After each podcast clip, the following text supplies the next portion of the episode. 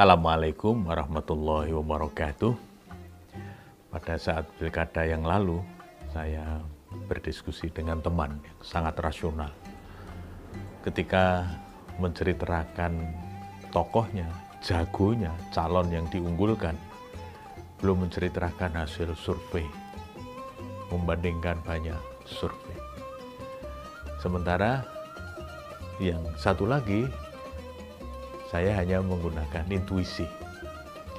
Menurut teman saya, ini bukan soal dukung-mendukung, tapi soal kita ingin beradu argumen mana yang akan unggul di pemilu daerah yang akan datang. Teman saya mengatakan yang ini mas ini menurut survei datanya begini. Jadi sangat akademis. Sementara feeling saya mengatakan enggak itu kayaknya kalah itu. Meskipun ini tidak diunggulkan tapi kayaknya yang ini yang menang ketika saya ditanya apa alasannya, ya tidak tahu, tapi feeling saya mengatakan yang ini yang menang. Nah, ketika proses itu kemudian berlalu, kebetulan betul yang saya bilang underdog ini malah unggul dan menjadi pemenang. Padahal dari sisi kualitas, dari sisi hasil survei, dari sisi dukungan, semuanya itu kelihatannya mengarah kepada yang kalah.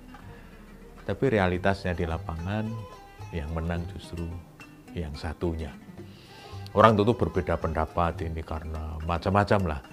Tapi saya hanya ingin mengatakan bahwa kadang-kadang intuisi itu lebih tajam dari sekedar pertimbangan-pertimbangan logis akademis.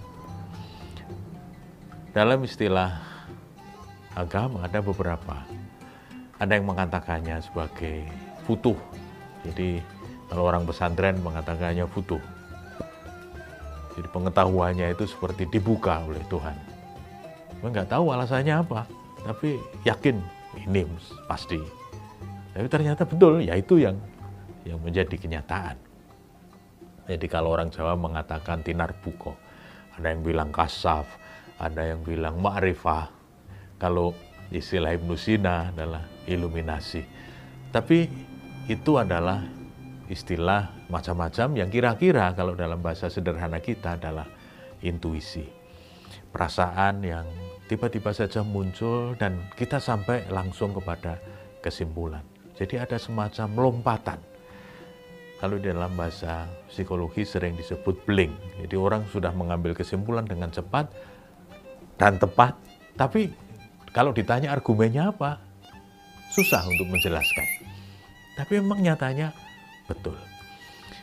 Dan dalam kehidupan sehari-hari, misalnya ketika kita memilih pasangan hidup, jujur kalau ditanya teman-teman kita yang sudah berkeluarga dulu pertimbangannya apa? Ya susah menjelaskannya. Kalau misalnya karena kecantikannya, oh ada yang lebih cantik kok milih yang ini, misalnya. Kalau misalnya pertimbangannya karena kekayaannya, oh ada yang lebih kaya kok milih yang lebih sederhana, misalnya. Jadi kadang-kadang antara yang dikatakan dengan yang dipilih itu tidak tidak cocok. Karena memang pada umumnya ketika orang menentukan pasangan lebih pada intuisi, lebih pada feeling.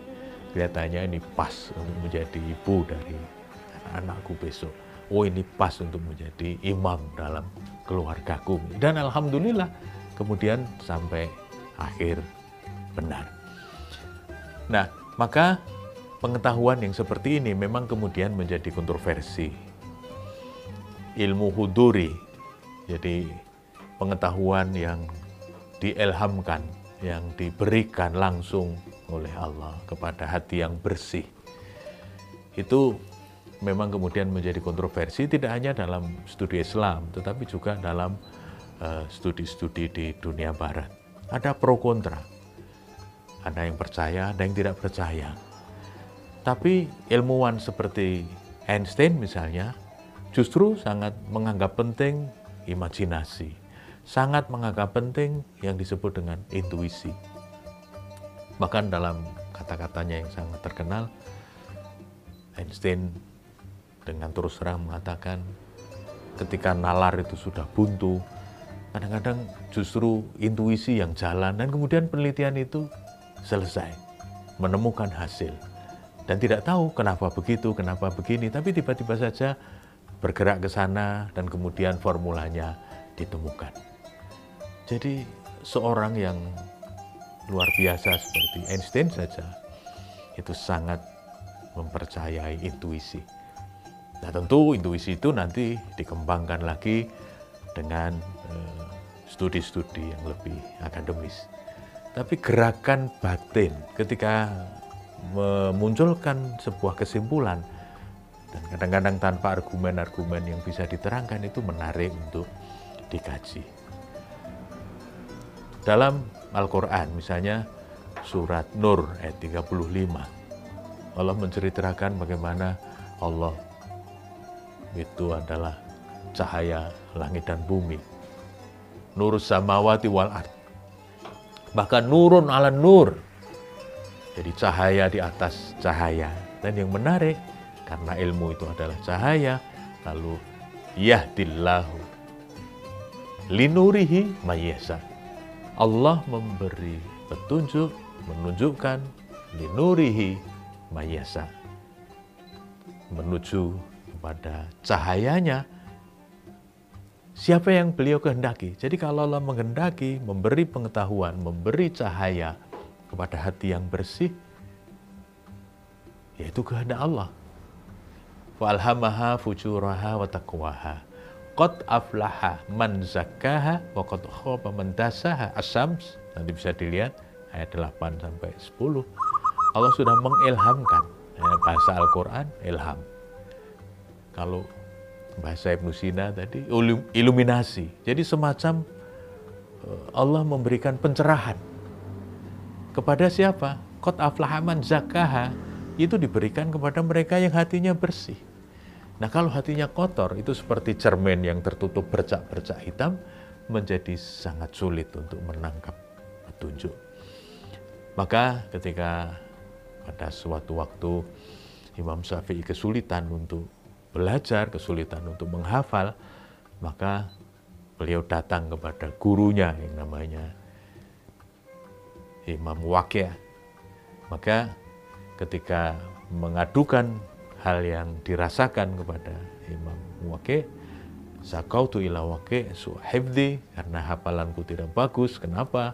Kepada Imam Wakil lalu dijawab Farsadani ila tarkil ma'asi. Maka Imam Wakil memberi nasihat supaya meninggalkan kemaksiatan, supaya membersihkan diri.